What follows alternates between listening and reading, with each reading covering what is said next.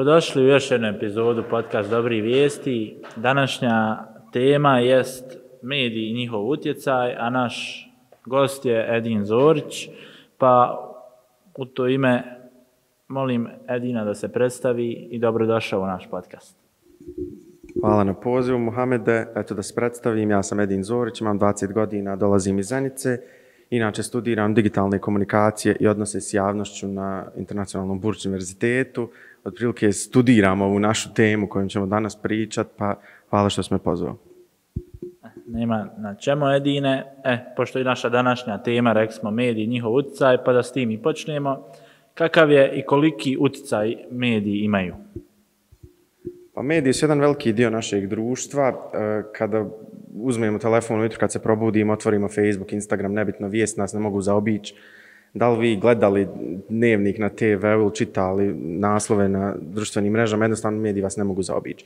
I oni mogu mnogo da učiću na samo raspoloženje čovjeka kad upalite ujutro i vidite neke negativne vijesti odmah u jutarnju kafu odmah vam dan propadne i zato, zato, zato sad trudim da sve manje pratim vijest iskreno, jer ima mnogo, mogu imati mnogo negativnog utjecaja na nas. E, dobro. Koje sve medije poznaješ ili to tog svog obrazovanja koji si naučio da postoji? Evo kao da odgovaram na ispitu, e, šalim se. Pa medije bi najviše svrstao u dvije kategorije, neke tradicionalne i moderne medije. U tradicionalne bi mogli svrstati ove koji polako, hajmo reći, propadaju, a to su novine, štampani mediji, mogli bi svrstati u radio i televiziju, a u moderne medije možemo svrstati društvene mreže i web, čitav web sistem od web stranica do društvenih mreža. Hvala. Moje sljedeće pitanje je koji su mediji, onaj, koji su to mediji koji najviše utiču na mišljenje populacije iz kojeg se formira neko javno mijenje? onaj, eto, možda sad od ovih modernih, a možeš spomenuti neke tradicionalne koji su imali utjecaje prije. Pa kada gledamo tradicionalne medije, oni su sigurno imali utjecaj uh, veliki na čovjeka kao i ovi danas. Samo je razlika bila što su tada medija je bilo prvo puno manje i bilo je puno manja, puno sporija, uh, puno sporiji bio protok informacija kada vi imate, na primjer, samo štampane medije, dok dođe do čitavog grada neka informacija, to može trajati danima. A vi danas možete objaviti nešto na lokalnom portalu da 100.000 ljudi sazna u sat vremena. Taj utjecaj u tom pogledu se ne može porediti, ali, su, ali obe, obe sfere imaju veliku utjecaj na čovjeka. Danas mi se ne odvajamo od naših telefona i mediji su nam uvijek tu, uvijek negativne ili pozitivne vijesti, kako god ko šta prati, ali su oni jednostavno tu uvijek i ne možemo pobjeći od njih, željeli mi to ili ne. E, dobro, e, hvala na tom odgovoru. E, sljedeće pitanje, svaka starostna dob ili primjetno je da svaka starostna dob ima neki medij koji je za njih ili koji je popularan u njihovoj generaciji, pa zanima me, možeš referirati neke medije koji su to ili da li je to prednost i nedostatak da svako ima svoj neki, hajmo reći, onaj određen medij. Da, da, razumijem pitanje. Pa mi, došlo je do toga, mislim, razvoje medija, da su neke skupine ostale pri nekim tradicionalnim medijima, dok su neke mlađe generacije očle prema modernim medijima. Sada kad vi, na primjer, željeli e, obratiti se nekoj određenoj skupini ljudi, ako ćete se obratiti starijim ljudima, možda u penziji, njih sigurno nećete naći na Twitteru, na primjer, ili nećete naći na, na Facebook komentarima, ali ćete ih naći da gledaju dnevnik svako veće u sedam. I ako želite reklamirati, na primjer, lijekove tim ljudima, vi ćete reklamirati na veće na TV-u jer oni to gledaju. Ako želite nekom tinejdžeru reklamirati, vi ćete onda otići platiti plat, možda reklame na, na Instagramu ili na TikToku gdje, gdje gdje on to danas koriste. Isto tako, ako želite doći do mlad, mlađih generacija, pogotovo tinejdžera, e, TikTok i Instagram su otprilike trenutno najveći, najveći mediji za njih, jer se to najviše koriste. Jer su njihovi roditelji ostali na Facebooku, djeca su pobjegla na Instagram i sad kako roditelji dolaze na, Facebook, na Instagram, djeca bježe na TikTok. Otprilike tako taj slijed ide i svako se segmentira, sve se segmentira i svako tržište ostaje otprilike za jednu generaciju. Razumijem. Uh, sad jedno pitanje često je primijetno da te medijske kuće i televizije naplaćuju mnogo više novca u toku tog emitovanja i reklamiranja, a da su sad u zadnje vrijeme počeli biti popularni influenceri i YouTube kanali koji pružaju neku vrijednost tim generacijama, mladim ili starijim.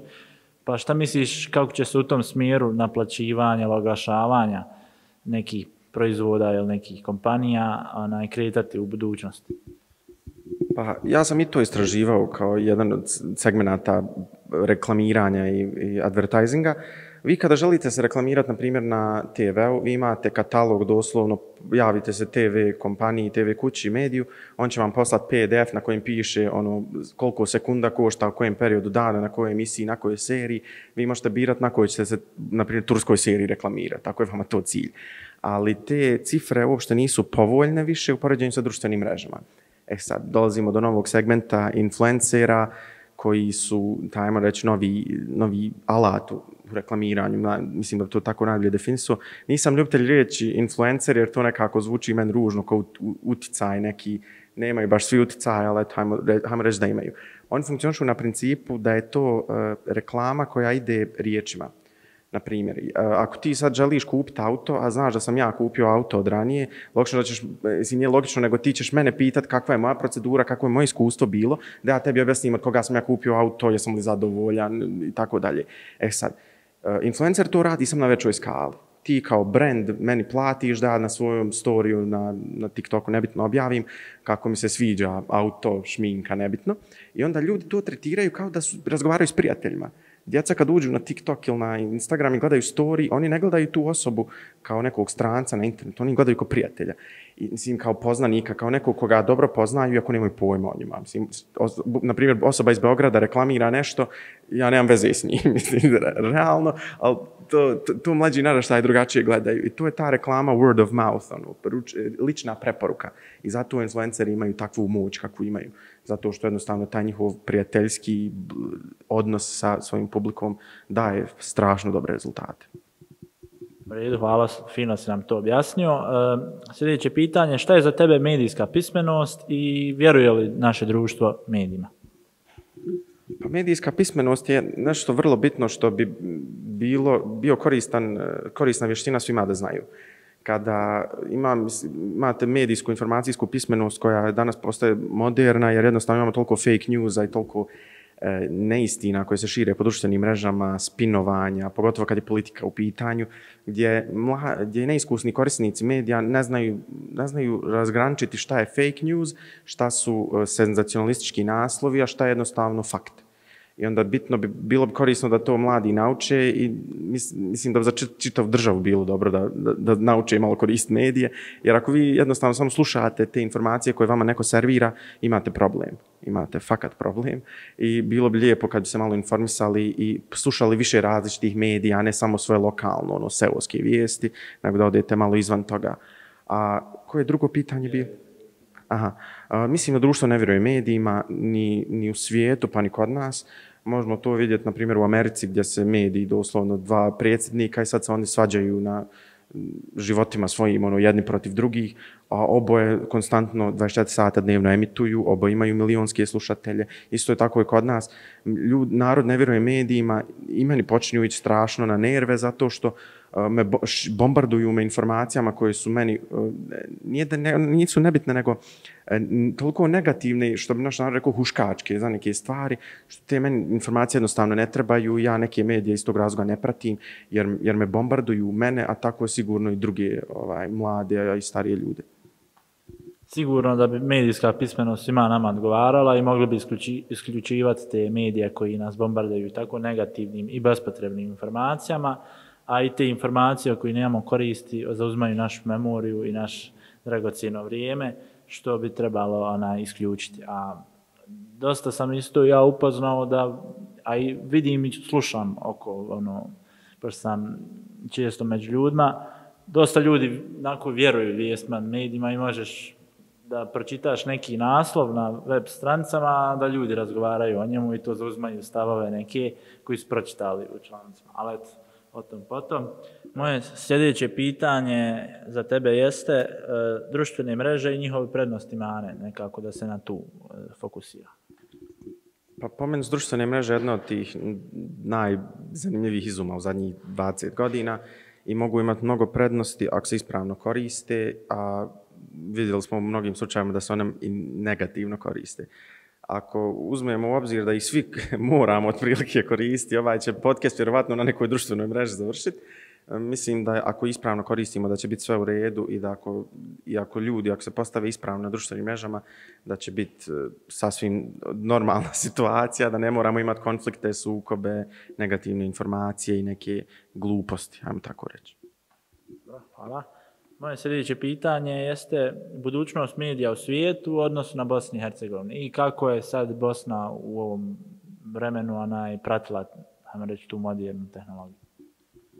Pa Bosna i Hercegovina po tehnologijama ne bi rekao da kasni. E, ja mislim da je naš najveći problem e, što nema puno pluralizma u medijima, što nema mnogo diverziteta i otprilike se vrte uvijek iste kompanije, iste medijske kuće. I to je problem ne samo u Bosni i Hercegovini, nego i na Balkanu čitavom, gdje je jednostavno mala grupa ljudi kontrolše veliku, veliki broj medija. Ali da ne, ne kažemo da je sve negativno, tako otprilike i u Americi i na Zapadu jednostavno uvijek imate nekog otprilike ko kontrolše ve, većinu tih institucija, što je biznis na kraju dana. I meni bi bilo drago kad bi došli još kompanija da osnuje svoje medijske kuće. E, čuo sam za jedan projekat u Srbiji da dolazi veliki financijski medij u Srbiju koji će pokrivati e, ex-Jugoslaviju i Balkan, što mi je uvijek drago da se priča o ekonomiji, o biznisu, o nekim po meni pozitivnim pričama nego da se samo trabunja o politici, o tome hoće li biti ovo, hoće li ono, ja mislim da od toga fajde nema i bolje da se okrenemo nekim pričama koje zapravo mogu imati koristi za prosječnog čovjeka.